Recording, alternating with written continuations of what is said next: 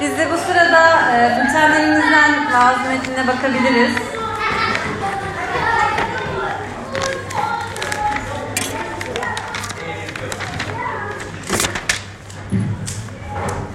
E, Yunus 1 1'den 17'ye kadar okuyoruz.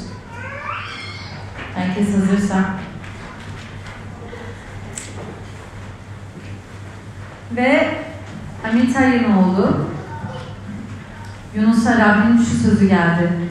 Kalk Ninova'ya, o büyük kente git ve ona karşı vaaz ver. Çünkü onların kötülükleri ölüme kadar yükseldi. Fakat Yunus Rabbin önünden Tarsiş'e kaçmaya kalktı. Yafa'ya inip Tarsiş'e giden bir gemi buldu. Ücretini ödeyip gemiye bindi. Rab'den uzaklaşmak için Tarsiş'e doğru yola çıktı. Ama Rab denizin üzerine şiddetli bir rüzgar gönderdi. Öyle bir fırtına koptu ki gemi neredeyse parçalanacaktı. Gemiciler korkuya kapıldı, her biri kendi ilahına yalvarmaya başladı. Gemiyi hafifletmek için yükleri denize attılar. Yunus ise teknenin ambarına inmiş, yatıp derin bir uykuya dalmıştı. Gemi kaptanı Yunus'un yanına gidip, ''Hey, nasıl uyursun sen?'' dedi. ''Ey sen, uyuyan adam, nen var? Kalk kendi Allah'ını çağır, belki halimizi görür de yok olmayız.'' Sonra denizciler birbirlerine, ''Gelin kurar çekelim.'' dediler. Bu bela kimin yüzü, bu bela kimin yüzünden başımıza geldi? Ne iş yapıyorsun sen? Nereden geliyorsun? Nerelisin? Hangi, hangi halka mensupsun? Yunus İbrani'yim diye karşılık verdi. Denizi ve karayı yaratan göklerin Allah'ı Rabbe taparım. Denizciler bu yanıt karşısında dehşete düştüler. Bu ettiğin nedir diye sordular. Yunus'un Rab'den uzaklaşmak için kaçtığını biliyorlardı. Daha önce onlara anlatmıştı. Deniz gittikçe kuduruyordu. Yunus'a, denizin dinmesi için sana ne yapalım diye sordular. Yunus, beni kaldırıp denize atın diye yanıtladı. O zaman sular durulur çünkü biliyorum bu şiddetli fırtına ya benim yüzümden yakalandınız. Denizciler karaya dönmek için küreklere asıldılar ama başaramadılar. Çünkü deniz gittikçe kuduruyordu. Rabbe seslenerek Ya Rab yalvarıyoruz dediler. Bu adamın canı yüzünden yok olmayalım. Suçsuz bir adamın ölümünden bizi sorumlu tutma. Çünkü sen kendi isteğini yaptın Ya Rab. Sonra Yunus'u kaldırıp denize attılar. Kuduru,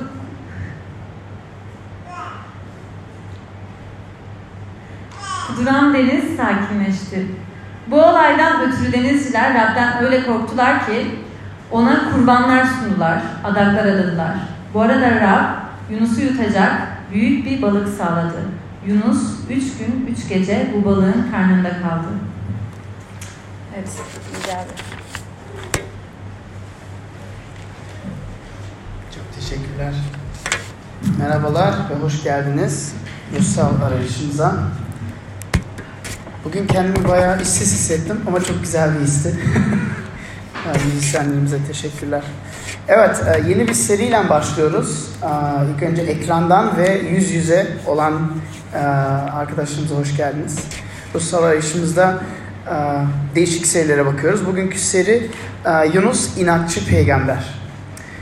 Ve Yunus'un kim olduğunu merak ediyorsanız Milattan önce 786 ve 746 yıllarında hizmet eden bir peygamberdi. Ve bütün kitaba bakarsak e, fazla uzun bir kitap değil, dört bölümcüğü var. Kutsal kitabın aslında en net e, meydana vurduğu e, bu kitapta lütuf ve günahın ne olduğunu bize gösteriyor. Lütuf ve günahın ne olduğunu bize gösteriyor. Çünkü yani bir yandan bunlar sık sık duyulan kelimeler ama anlamları ne? E, lütuf nedir, günah nedir ve um, birçok belki birçok e, kendi kafanıza göre e, anlamını e, belirleme çabasındasınız ama bakın burada bu kitapta günah aslında Rab'den kaçmak olduğunu bize gösteriyor. Ve lütuf Rabbin zarar verici davranışlarımızı engellemek için peşimizden kovalamasını gö- kovaladığını gösteriyor. Yani günah bir yandan, lütuf öteki yandan, günah Tanrı'dan kaçmak, Allah'tan kaçmak ve lütuf onun bizim peşimizden gelmesi, bizi kovalaması. Ve çok basit ve çok net bu bir açıklaması olabilir. Ve İstanbul gibi bir şehirde aslında herkes Yunus hikayesinden bir bağlantı kurabilir. Herkes kendisini Lütuf'un hikayesinde görebilir. En azından ben öyle zannediyorum insanlarla konuştuğumuzda. Kendi hayatımıza bir bağlantı kurmak aslında kolay bir şey. Um, şimdi burada bile etrafımıza baktığımızda birçok farklı insanlar görüyoruz. Hepimizin yapısı farklı. Uh, hepimizin uh, düşünceleri farklı. Ama uh, belki aramızda bazımız uh, dinden uzak olan insanlardır. Yani diyeyim ki belki tabii ki hepimiz gibi Müslümanlıkta büyüdük ama şu an daha fazla ateist gibi düşünüyoruz, deist gibi düşünüyoruz. Belki Marksist gibi düşünüyoruz ve belki hatta İstanbul'a gelmemizin bir sebebi büyük bir şehre İstanbul'a gelmemiz bir şehre aile ve kültürel kısıtlamalardan biraz kaçmak ve daha fazla özgürlüğe kavuşmak, daha fazla tolerans veya tolerant bir çevreye kavuşmak. Um, belki aramızda bazı insanlar daha fazla dine yakın sayar kendini. Yani um, soru sorduğumuzda doğru cevapları verebilirler. Uh, ama belki doğru cevapları verdiğimize rağmen Allah aslında sadece kavramsal bir fikir kalır. Yani hayatımızda pek bir etkisi yoktur. Yani doğru cevapları verebildiğimize rağmen. Ve Yunus'a baktığımızda Yunus tabii ki bir peygamberdi, dindardı ve Allah'a yıllardır hizmet etmiş olduğunu biliyoruz. Ama inancına baktığımızda birçok eksiklikler vardı. Onu da görüyoruz. Allah'ın tam kim olduğunu anlamamış birisi. Kendi kafasına göre bir Allah tasarlamış birisi. Bu nasıl oluyor? En kolay yolu size anlatayım mı? Kendi kafamıza göre bir Allah tasarlamak. Çok basit. Kutsal kitabı alırsınız. okumaya başlarsınız. Ondan sonra seç ve at oyunu alır, oynarsınız. Seç ve at. Yani ha aa, bu fikri beğendim çok güzel. Aa, Allah sevdi ne güzel. Allah günahlarımızı bağışlıyor.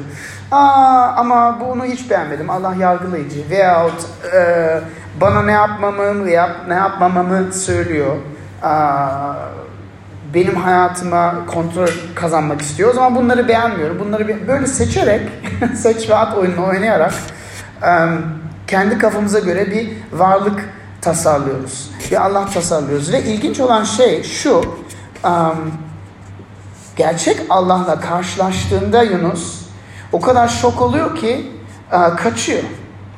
Ne yapacağını bilmiyor, kaçıyor. Çünkü kendi kafasına göre olan şey ve kendi isteğine göre olan şeyden o kadar zıt uh, bir kişi, bir varlık karşına çıkıyor. Ve aslında hepimiz uh, burada Yunus gibiyiz gibi. Yani Allah'tan kaçıyoruz. Nasıl? Ve bu bizim bugünkü konumuz. Um, çünkü ya kendi kafamıza göre bir şeyler uyduruyoruz veyahut pek takmıyoruz. Ve aslında Yunus burada hem dindar olan birisi olarak bir örnek hem de ateist olarak birisi bir örnek. Çünkü ilk iki bölümde Tanrı'dan kaçıyor. Uh, hiç dindar gibi birisi gibi davranmıyor. Hatta dikkat ettinizse o yabancı insanlar Tarsus'a, İspanya'ya giden insanlar Rabbi dua etmeye başlıyor ama Yunus dua etmiyor. Fırtınanın ortasında olduğuna rağmen dua etmiyor. Ağzı kapalı kalıyor. Tamamen ateist gibi birisi davranıyor. Ve a, biz etrafımızda hep diyoruz ki İsa'ya baktığımızda, İsa'nın öğretisine baktığımızda din gibi anlamak aslında doğru değil ve ilk 200 yıl boyunca Hristiyanlık din olarak anlaşılmamıştır. Aslında Romalılar hep Hristiyanlığa ateist olarak anlamışlar. Çünkü o kadar acayip bir yapısı vardı ki hiçbir dine benzemiyordu. Yani bir ilişki olarak düşünüyoruz. Yani Allah ve insanın bir ilişki olması, yani Allah insana uzanıp kendisini tanıtmasından bahsediyoruz. Ve bu ilişkiye girmenin ilk adımı aslında bu bunu fark edip itiraf etmek. Yani um, kayıp olmamızı, Allah'tan kaçtığımızı itiraf etmek. Um, bilmiyorum siz hiç uh, bu durumdan karşı karşılaştınız mı? Uh, genelde daha fazla beylerde görülüyor. Araba kullanırken kayıp olmuş olsak bile yok yok ben yolu biliyorum. Kimseye sormayacağım. Ve böyle gidiyoruz gidiyoruz gidiyoruz. Kimseye sormuyoruz. Tabii şimdi Google var filan ama e, yani e, ve aslında bu en berbat durum. Yani hem kayıbız hem de kayıp olduğumuzu itiraf etmiyoruz. Hem kaçıyoruz hem kaçtığımızı itiraf etmiyoruz. Ve aslında bugün bu konuya baktığımızda hayatımızdaki hangi kaçış stratejileri kullanıyoruz Allah'tan kaçmak için? Adem ve Havva'ya baktığımızda mesela en başında uh, yanlış davrandıklarında Tanrı'dan kaçıp saklanıyorlardı. Ve sonra hatalarından karşı karşıya geldiklerinde suçu başkasına devrediyorlar. Yok ben yapmadım. Aa, aslında oydu. Yok oydu. Oydu. Um, mesela bu bir strateji. Bugünkü konumuza baktığımızda sizinle beraber üç boyuttan bakmak istiyorum uh, bu konuya. Allah'a kaçmanın konumundan. Bir Yunus'un çağrısı, ikincisi Yunus'un kaçışı ve üçüncü Rabbin kovalaması. Bir Yunus'un çağrısı, ikinci Yunus'un kaçışı ve üçüncü Rabbin kovalaması. Uh, Yunus'un çağrısına bakarsak Yunus'un çağrısı nedir? Ve ilginç çünkü aslında son haftalarda birçok e, değişik insanlarla e, çağrı, hayat çağrısı üzerine konuştuk. Sizin hayat çağrınız nedir? hayat vizyonunuz nedir? Ve ilk iki ayda bakarsanız ve demin Maria okudu. Amitay'ın oğlu Yunus'a Rabbim şu sözü geldi. Kalk Nineva'ya git, o büyük kente git ve ona karşı vaaz ver. bu aslında bir şaka gibi. Ve bunu okuduğumuzda pek farkına varmayabiliriz. Neden bu şaka gibi? Size anlatayım. Bakın birkaç tane sebep var. Bakın dünyanın, o zamanki dünyanın en büyük, en berbat, en şiddetli ve en kötü yani en günahkar kenti ve halkı oradaydı. Ve Yunus'a diyor ki oraya git diyor. Yani bunu anlamak için şunu düşün. İkinci Dünya Harbi'nin tam ortasında size diyor ki kanka git Berlin'e Hitler'in olduğu yere vaaz ver. Veyahut Soğuk Savaş'ın tam ortasında Stalin'in e, Stalin'in yönettiği e, Rusya'ya git ve Moskova'nın meydanında vaaz ver. Bu benzetmeye denk geliyor bu aslında. Yani Asurlular devleti tarih kitaplarınıza bakarsanız terör devleti olarak kitaplara geçmiş. Yani şiddet e, şiddetten hoşlanıyorlardı. İş, insanlara işkence çektirmekten hoşlanan bir milletti. Um, örnek vermeyeceğim ama kitaplarda bakabilirsiniz. Yani o kadar e, düşünülmeyecek kadar e, ızdırap çekme yaratıcını kullanmış durumdalar. Yani Ninova aslında bir de başka bir sebepten Ninova'da İsrail'in baş düşmanıydı. Yani sadece bu herhangi bir halk değildi. İsrail'in baş düşmanıydı. Yani Allah burada Yunus'a diyor ki git e Yunus Yahudi git baş düşmanına en berbat halka vaaz ver diyor. İkinci sebep bu tamamen şaka gibi olması şu. Bir Yahudi pe peygambere, bir Yahudiye gidip şu gavurlara git demesi hiç akla ermez bir durum. Biliyorsunuz Yahudilerin birçok birçok ritüelleri var. Yani kimle oturup, kimle masada yiyebildiklerini, hangi yemek yiyebildiklerini yani ayrı bir halk olmasını sağlaması için bayağı kurallar vardı ve şimdi birdenbire oraya git demesi tamamen saçma. Yunus bunu kesinlikle anlamıyor. Başka bir boyutu Yunus kim olmasını anlamak. Bakın Yunus 2. Krallar 14-25'te okuyoruz. Um, Kral Yerobeam'ın, 2. Kral Yerobeam'ın hükümetinde hizmet eden bir peygamber. Ve o zaman da başka peygamberler de vardı. Amos peygamberi vardı, Hoşea peygamberleri vardı. Ama bunların hepsi Yunus gibi değildi. Neden? Bakın İsrail bu zamanlarda çok kötü durumdaydı. Ve kral hiç adil bir kral değildi. Ve Amos ve Hoşea'nın kitaplarına baktığımızda İsrail'i çok sert bir şekilde yargılıyor. Halkı çok sert bir şekilde yargılıyor. Ama Yunus da bundan hiçbir düşünce, fikir bile yok. Yani Yunus en milliyetçi, en ırkçı Yahudilerden biri olabilir belki. Bunu alıp da başka bir ülkeye çağırmak, baş düşmanına çağırmak kadar şaka gibi bir şey olamaz. Ve onun için çok saçma ve mantıksız bir çağrı. En iyi ihtimal, bakın bir de baktığınızda diyelim ki gitti. En iyi ihtimal ne olabilir? En iyi ihtimal kendini rezil edebilir. İnsanlar belki gülüp suratına domates fırlatır. Öyle bir şey olabilir. Ciddiye almazlar. Tamam en iyi ihtimal. En kötü ihtimal hapis, işkence veya ölümle karşılaşabilir. Yunus'un çağrısı bu. tamam peki bu bizimle ne alakası var? Pratiğe gelelim. Sizin hayatınızda ne alakası var? Bilmem hiç düşündünüz mü bir örnek vermek istiyorum size. Bir askere bir emir verdiğinde bu emir nasıl veriliyor? Örneğin tarih tarihe baktığımızda, bizim tarihe baktığımızda ve biz askerlerimizi çok seviyoruz, sayıyoruz e, ve değer veriyoruz. Çanakkale Savaşı'nı düşünün. vatanımızı kurtarıp cumhuriyet, cumhuriyetimizi kuran Atatürk'ü düşünün. bu komutan emirlerini nasıl verdi? Gidip teker teker teker teker askerlerinden konuştu mu? Bak oğlum yarın çok zor bir gün olacak. belki benim söyleyeceklerim sana pek mantıklı gelmeyecek ama e, sana yalvarıyorum lütfen benim sözlerime güven ver. benim emirlerime uy. Yok. İleri diyor gidiyor asker değil mi? Bakın ee, ya emir mantıksızsa tarih kitaplarına geçmiş emir Atatürk'ün verdiği 1915'teki ben size savaşmayı değil ölmeyi emrediyorum. Biz ölünceye kadar geçecek süre içinde yerimize başka kuvvetler ve komutanlar gelebilir. Böyle bir emir. Bu mantıklı bir emir mi sizce? Ama bakın iyi bir asker ne yapar? Bu emirlere uyar.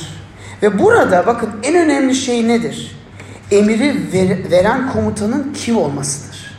Emirin veren komutanın şahsiyeti, karakteri önemlidir. Yani askerler komutanının kim olduğunu bilerek, geçmişindeki başarıları bilerek o komutana sığınıp güvenebilirler. Ve bu örneğimizde bu komutanın son derece akıllı, bilgin, başarılı ve iyi ve askerlerini önemseyen bir komutan olduğunu bilerek harekete geçtiler. Ve tarih kitabında diyor ki, Kinos kitabında mesela diyor ki Mustafa Kemal 57. alayı doğrudan savaşa sürdü. Kendisi atıyla en önden gidiyor ve askerleri sarsılmaya bir enerjiyle sırtın yukarısına gönderiyordu. Harekatı kendi güvenliğine hiç önem vermeden ufuk çağrısının üstünden yöneliyor, çizgisinden üstünden yönetiyordu. Bakın Allah aynı şeyi bizlerle de yapabilir ve yapıyor. Çağrımızda emirlerimize baktığımızda belki bize bir emir geliyor, belki bir çağrı geliyor ve bakıyoruz ve şaka gibi. belki bakıyoruz ve hiç mantıklı gelmiyor. Um, belki garip şeyler gelebiliyor, hayat, olabiliyor hayatımızda. İbrahim'e bakalım. İbrahim'in emirleri neydi? Tanrı İbrahim'e konuşuyor. Diyor ki tek oğlunu bana kurban kesmeni istiyorum diyor. İbrahim ne yapıyor? İleri gidiyor, yapıyor. Neden? Çünkü Rabbi tanıyordu. Ve onun herhangi bir yol açacağını, herhangi bir şey yapacağını biliyordu. Güveniyordu. Peki Yunus ne yapıyor burada? Yunus kendi mantığına, kendi aklına ve kendi duygularına, kendi zekasına güvenerek tam karşı istikamete kaçıyor.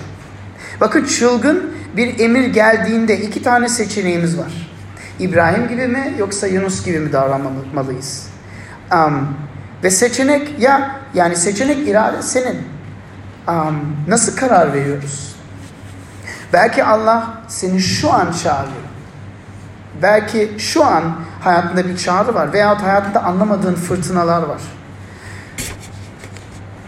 Ve o kesin güvenilir olan komutan, iyiliğini isteyen, seni seven komutan sana bir şey söylüyor, bir emir veriyor. Emre uyuyor muyuz? Yoksa öteki istikamete kaçıyor muyuz? Bakın biz birkaç sene evvel um, çok çılgın bir uh, çağrı aldık. 2012 senesinde Almanya'dan Türkiye'ye geri dönme çağrısını aldık. O zamanlar çok saçma bir çağrıydı gerçekten. Ama gerçekten Rabbin çağrısıydı. Ve biz buraya geldik. Yunus'un çağrısı nedir? Yunus'un çağrısı Ninive'ye gitmek, Ninova'ya gitmek ve orada vaaz vermek. Gelelim Yunus'un kaçışına.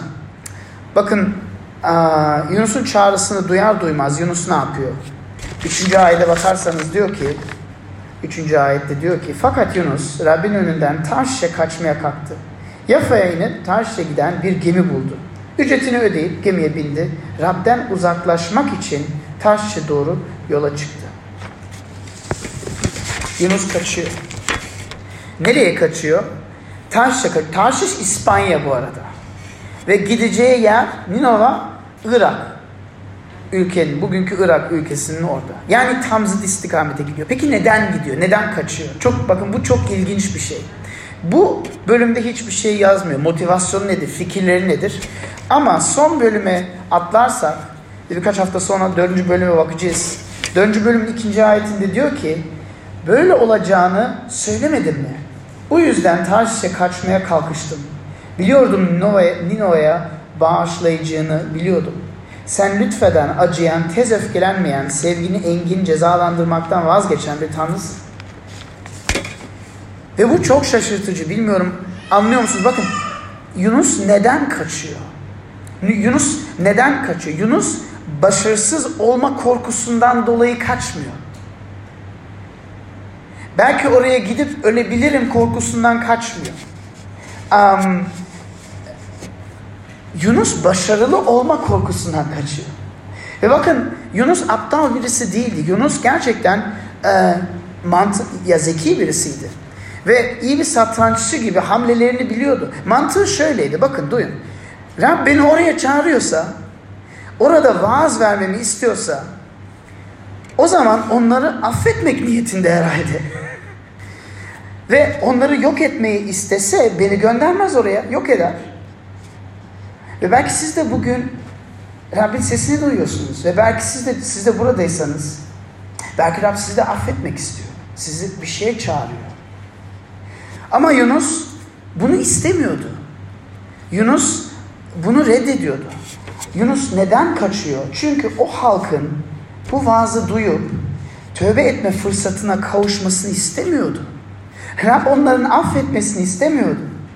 Ve şu mantığındaydı. Ben oraya gitmezsem, vaaz vermezsem, uyaran kimse olmazsa o zaman günahlarını itiraf edip tövbe de etmezler ve Allah onları öldürüp yok eder. Bu kadar basit. Satranç oyuncu gibi hamlelerini biliyor o peygamber. Yani aptal değil. Ama aklında şöyle bir duruş var, şöyle bir tutum var. Ben bu pis gavurlara ben mi yardım edeceğim? İsrail'in baş düşmanlarına ben mi gidip yardım edeceğim? Kesinlikle hayır. Hepsi gebersin daha iyi. Onun için gemiye binip öteki istikamete gidiyor.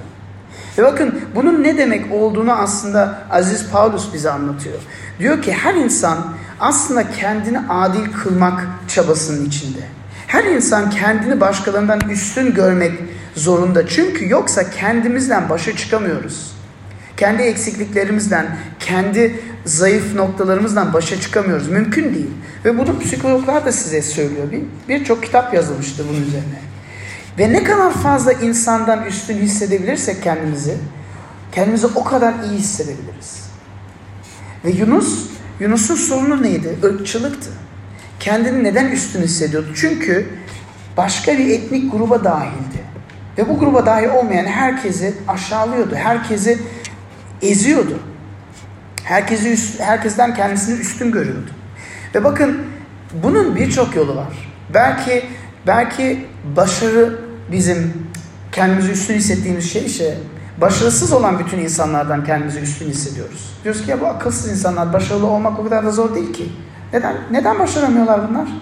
Ha, neden hep ağlıyorlar? Neden hep neden hep söyleniyorlar? Başarın. Hadi. Belki kendimizi başarısız olan insanlardan üstün hissediyoruz. Veya eğitimliysek, eğitimsiz insanlardan belki kendimizi üstün hissediyoruz. Veya zengin, zenginsek belki zengin olmayan insanlardan kendimizi üstün hissediyoruz. Belki fakirsek diyoruz ki kendimizi fakir olmayanlardan üstün hissediyoruz. Sen, sen hayatın gerçeğini hiç tatmadın ki. Senin için hayat kolay. Sen işte paran bankada var, evin var, araban var ama gerçek hayatı ben yaşıyorum. Gerçek mücadelede benim. Fakirliği de böyle kullanabiliriz. Her şeyi böyle kullanabiliriz. Anlıyor musunuz? Ateist olmayı böyle kullanabiliriz. Ya bu dindarlar kafayı yemiş ya. Hala 21. yüzyılda hala bir tanrıya tapınmak ne demek? Hadi hala maymun gibi davranmıyoruz. Belki onları aşağılıyoruz. Dini de kullanabiliriz. Ya bu insanlar dindar neden dindar? Neden gitmiyorlar? Neden tapmıyorlar? Neden okumuyorlar? Neden yapmıyorlar? Bakın insan yüreğinde, insan doğasında böyle bir problem var. Ve Yunus çok kibirli, çok gururlu, kendini beğenmiş ve kendini üstün hisseden bir peygamber. Diyor ki bundan kaçtım diyor Tanrı'ya. Bundan kaçtım. Bu berbat halkı ve günahlarına yardım etmeni istemediğim için kaçtım diyor. Yunus'un vaazında, bakın Yunus'un vaazında sadece yargı ve cehennem var. Çünkü bakın Yunus gibi birisinin lütfun ne olduğunu kendisi bile tatmamış, kavramamış durumda. Ve, ve belki belki Bizde de öyle bir sorun var. Belki bizde de sadece yargı duyguları var. Belki kiliseye gidince diyorsunuz ki ya neden bu kadar az cehennemden bahsediyoruz? Biraz daha fazla cehennemden bahsetmemiz lazım. Asıl insanların duymak gerektiği şey şu. Kendini üstün mü hissediyorsun? Senin duymak istediğin, senin duyman gereken konu nedir? Bu mu? Bakın ilginç olan şey Yunus haklı.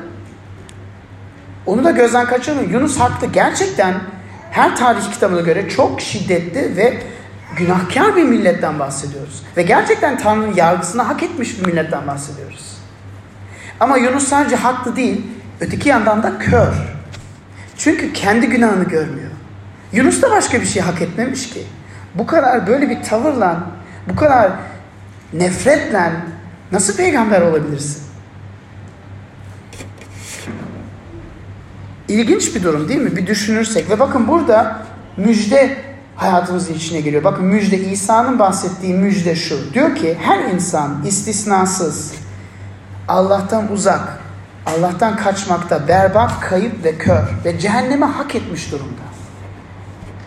Yalnız Allah'ın lütfuyla bizleri affedip kendi ailesini evlat ederek bizim günahlarımızı silmek teklifini yapıyor. Bu müjde. Ve um, diyor ki bu bizim için tek çözüm diyor. Ve bakın bunu kavrarsak, bak sadece aklen bahsetmiyorum. Bütün varoluşumuzdan, kavrar, yüreğimizden kavrar, kavrarsak kendimizi başka bir insanın üstün hissetmek imkansız olur bizim. Bakın bunu kavrarsak dediğimde siz eve gittiğinizde düşünün. Bunu kavradım belki dersin evet kavradım. O zaman bir sorun kendinize. Kendinizi başka insanlardan üstün hissediyor musunuz? hissediyorsanız daha kavramadık.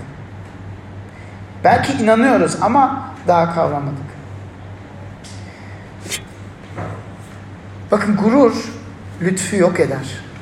Ve Yunus'un hayatına baktığımızda kendi berbatlığını gösteren, kibirliğini meydana vuran, ırkçılığını meydana vuran bir olay olmamıştı da. Kendi, kendi durumuna kör ve sadece başkalarının günahını görüyor. Sadece başkanın, başkalarının eksiklerini görüyor. Bu insanlar için sevgi veya merhamet hissetmesi imkansız bu durumda. Pratik olarak bize gelelim. Bizim etrafımızda insanlar var mı? Merhamet hissetmemiz bayağı zor gelen insanlar var mı? Sevmemiz bayağı zor olan insanlar var mı? Gerçek Allah'la henüz karşılaşmamışsak bu bizim için imkansız. Sadece kavramsal bir teori ise Tanrı, Allah veya Rab veya ne ad verirseniz o zaman bu bizim için mümkün, mümkün değil. Gerçek Allah'ı tanımıyoruz. Kendi kafamıza göre bir şey yürütüyoruz. Ve burada da kendimizi üstün hissediyoruz. Adil kılmaya çalışıyoruz. Belki hatta kendimizi, belki kendilerini üstün gören insanlardan üstün hissediyoruz kendimizi. Bilmiyorum sizin hayatınızda bu nasıl bir şey. Ama insan kalbinin temel sorunu bu. Ve insan kalbinde aslında iki tane vites var sadece. Birisi çaba ve kendinin üstünlüğünü ispat etmek. Ee, başkalarından daha başarılı olmak. Başkalarından daha e, üstün olmak. Ve ikinci vites başaramayınca kendini kötülemek. Kendini lanetleme. Kendinden nefret etme. Hak ettim mantığına düşmek. Ve bakın Yunus da böyle. Önce çok gururlu, çok kibirli yola çıkıyor. Oraya gitmiyor. Tam ters istikamete gidiyor diyor. Ben bu halka gitmem diyor. Bu halk bu halk merhameti hak etmemiş diyor. Ondan sonra gemide birdenbire Allah ona kim gösteriyor? Bu yabancılar, bütün gemideki olan insanlar yabancı. Ve bu adamlar kendisinden çok daha adil olduğunu görüyor. Hiç fark, fark ettiniz mi? Bilmiyorum fark ettiniz mi? 14. ayete bakarsanız Rabbe seslenerek bu yabancılar, Rabbi tanımayan insanlar, ilk defa duymuş olan insanlar, Ya Rab yalvarıyoruz diyorlar. Bu adamın canını yüzünden yok olmayalım. Yunus dua etmiyor. Hatta birkaç ayet evvelden diyor ne yapalım seninle? Hepimiz öleceğiz. Diyor ki beni denize atın diyor. Farkına vardınızsa ama yap, atmıyorlar o anda. 13. ayet diyor denizciler karaya dönmek için küreklere asıldılar. Dediler biz bu adamı öldüremeyiz. Tanrı Yunus'un hayatına kendinden daha adil olan insanları koyuyor. Ve onun gibi inanmayan insanlar. Ve bakın burada bir ders var. Doğru şeye inanmak bizi adil kılmaz. Doğru şeye inanmak bizi başka insanlardan daha iyi bir şeye döndürmez. Böyle davranırsak hiçbir değeri olmaz.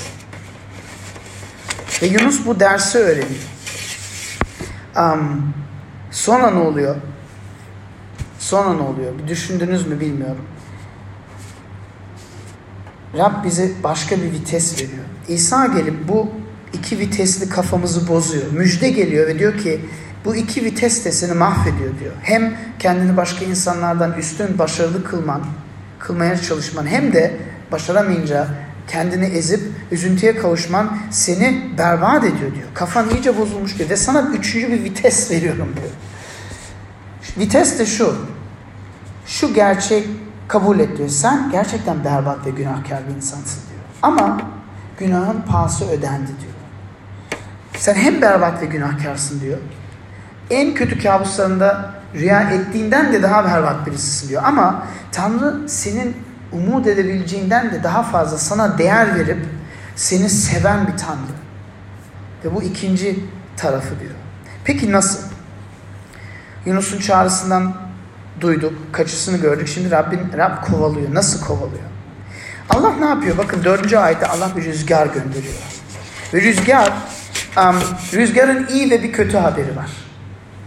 Rabbin yarattığı evrende, Rab gerçekten bu evreni yarattıysa, yaşamanın iyi ve kötü haberi bu rüzgarın içinde var. Neden? Kötü haberi önceden bahsedeyim. Bakın Rabbi reddettiğimizde, Allah'ı reddettiğimizde, isyan ettiğimizde, karşı çıktığımızda, günah işlediğimizde, kaçtığımızda bunun bir zeci tedbiri var. Bir fırtına var. Bizi bekleyen bir fırtına var.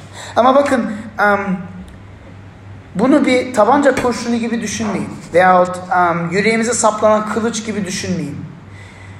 İnsanlar bir sigara içip ölse hiç kimse sigara içmez. Bu günahı radyoaktivite dozu gibi düşünün. Gidip ölümcül bir şuvaya kapıştınız. Sizi anında öldürmez. Yavaş yavaş öldürür. Farkına varmazsınız bile. Ölümcül dozu yedikten sonra fark etmediğinize rağmen içinizdeki bütün organlar çürümeye başlar yavaş yavaş. Böyle günahın her zaman bir fırtınası var ama fırtına hemen gelmiyor. Tabanca gibi değil. Ölümcül bir şua dozu gibi. Örneğin zina işlediğimizde önce çok güzel hissediyor, hissediyordur değil mi? Gazetelerden okuyoruz umarım hiç kimsemiz tatmamıştır. Ama sonradan hayatımızı mahvediyor. Uyuşturucu kullandığımızda ilk önce tatlı rüyalar veriyor belki. Ama sonra bizi köle edip hayat düzenimizi yıkıyor. Yalan söylediğimizde durumdan bir çözüm buluyoruz. Ama sonradan çok daha ciddi durumlara kavuşuyoruz. Bakın günah işlediğimizde bunun bir sonu var. Bunun bir fırtınası var ve geliyor. Kesin geliyor. Peki iyi haber nedir? Bakın iyi haber şu. Dalgaların altında Yunus'u Allah'ın sevgisi bekliyor. Dalgaların altında diyorum. Çünkü bakın 17. ayete bakarsanız ne diyor? Yunus atlıyor, denize atlıyor. Ve fırtınanın ortasında Rabbi balık gönderiyor. Yunus'un peşinden gelen bir balık gönderiyor ve o balık Yunus'u yutuyor ve böylece kurtarıyor. Ve bakın bu lütuf. Dünyadaki kötü, bak çok önemli bir şey. Dünyadaki kötü güçler bizlere zorluk çıkartmak istemezler. Neden biliyor musunuz? Çünkü zorluklar insanı düşündürür. Zorlukla karşılaşan bir insan dürtülmüş bir insandır. Zorlukla karşılaşan insan kendisine gelen bir insandır. Uykusundan uyanan bir insandır. Hayatını sorgulayan bir insandır.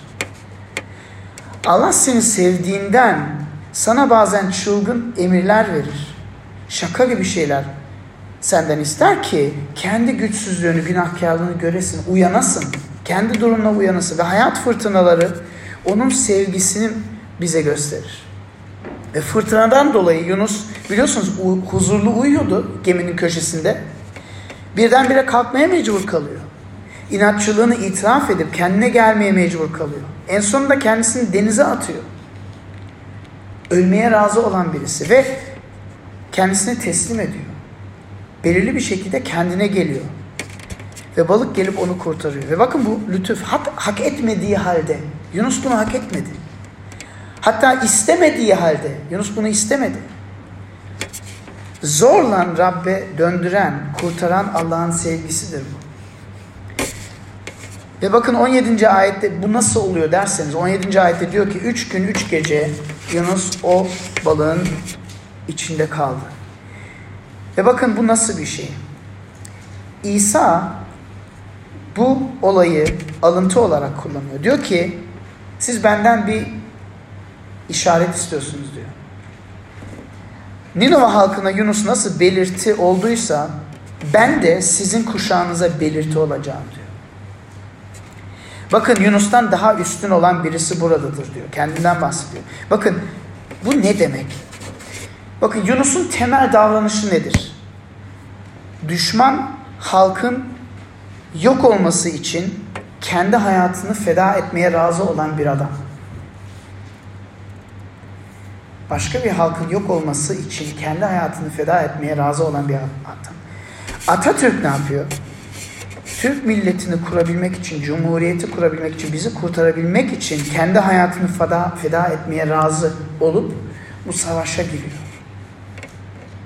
Ve bu 57. alayı belki okumuşsunuz. Hepsi ölmüştür bu savaşta. Hepsi hiçbirisi bile yaşamadı. Hepsi şehit olmuştur. Peki Allah ne yapıyor? İsa Mesih Tanrı olduğuna rağmen insan olup insan ırkını kesin ölümden kurtarabilmesi için sadece kendi hayatını feda etmeye hazır değil, hayır kendi hayatını feda ediyor. Yoksa ne olurdu biliyor musunuz? Her yaşayan insan şehit olurdu. Şu anda kaç milyar insan yaşıyor bilmiyorum. Hiçbirisi kutsal bir Tanrı'nın önünde dayanacak durumda değil. Küçücük bir günah işlediğimiz bile yeter. Hiç yaptığımız iyi bir şey bu kötülükleri silemez. Ve bizim için tek yolumuz Tanrı'nın bir yol açması, bir çözüm açması. Ve bakın nasıl Kurtuluş Savaşı bizim milletimiz tek, tek, tek çözüm olduysa tarihte, yoksa Türkiye yoktu, haritadan silinmişti. Allah da tek çözüm olarak ta kendisinin, Mesih'in insan olup kendi hayatını feda edip bütün insanlık için şehit olmaya razı olan birisi. Yunus kendisini hak ettiği ölüme attığında Allah'ın lütfu onu kurtardı ve bizi de kurtarmak için burada. İsa Mesih gerçek fırtınanın içine kendisini attı. Bizim yerimize Allah'ın gazabını çarmıhta ta kendisi taşıdı. Omuzlarına aldı. Ve nasıl Yunus üç gün üç gece o balığın içinde kaldıysa İsa Mesih de üç gece üç gündüz çarmıhta öldükten sonra mezarlıkta ölü kaldı. Ve üçüncü günde dirildi. Ondan diyor size başka bir belirti verilmeyecek. Bu belirti yeter. Ve ben Yunus'tan daha büyük bir peygamberim diyor. Allah'tan kaçıyor muyuz? Allah'tan nasıl kaçıyoruz? Hangi yollardan kaçıyoruz? Kaçma stratejilerimiz nedir? Bunun üzerine dua, düşünelim, dua edelim. Ve unutmayın dalgaların altında belki sizin hayatınızda şiddetli bir fırtına vardır şu an. Belki hayatınızda saçma bir çağrı vardır, saçma bir emir var, yapmanız gereken bir şey vardır. Dalgaların altında sizi Allah'ın sevgisi bekliyor. Dua edin. Rab sana şükrediyorum. Gerçekten bu aa, yeni serimiz için, Yunus için bu çok ilginç ve aa, bize birçok şey gösterebilecek bir peygamber. Ve senin sevgin bizi bekliyor ve hak etmediğimiz halde sen bizim için gelip kendini feda ettin. En şiddetli ölümlerden birisini öldün. Cehennemin dibine girip bütün günahın gazabını sen taşıdın Rab. Ve üç gün sonra mezarda kalmayıp dirilip Tanrı'nın sağ yerine oturuldun ve şu anda bizimle berabersin. Sana şükrediyoruz. Bu gerçeği görmemizi sağla.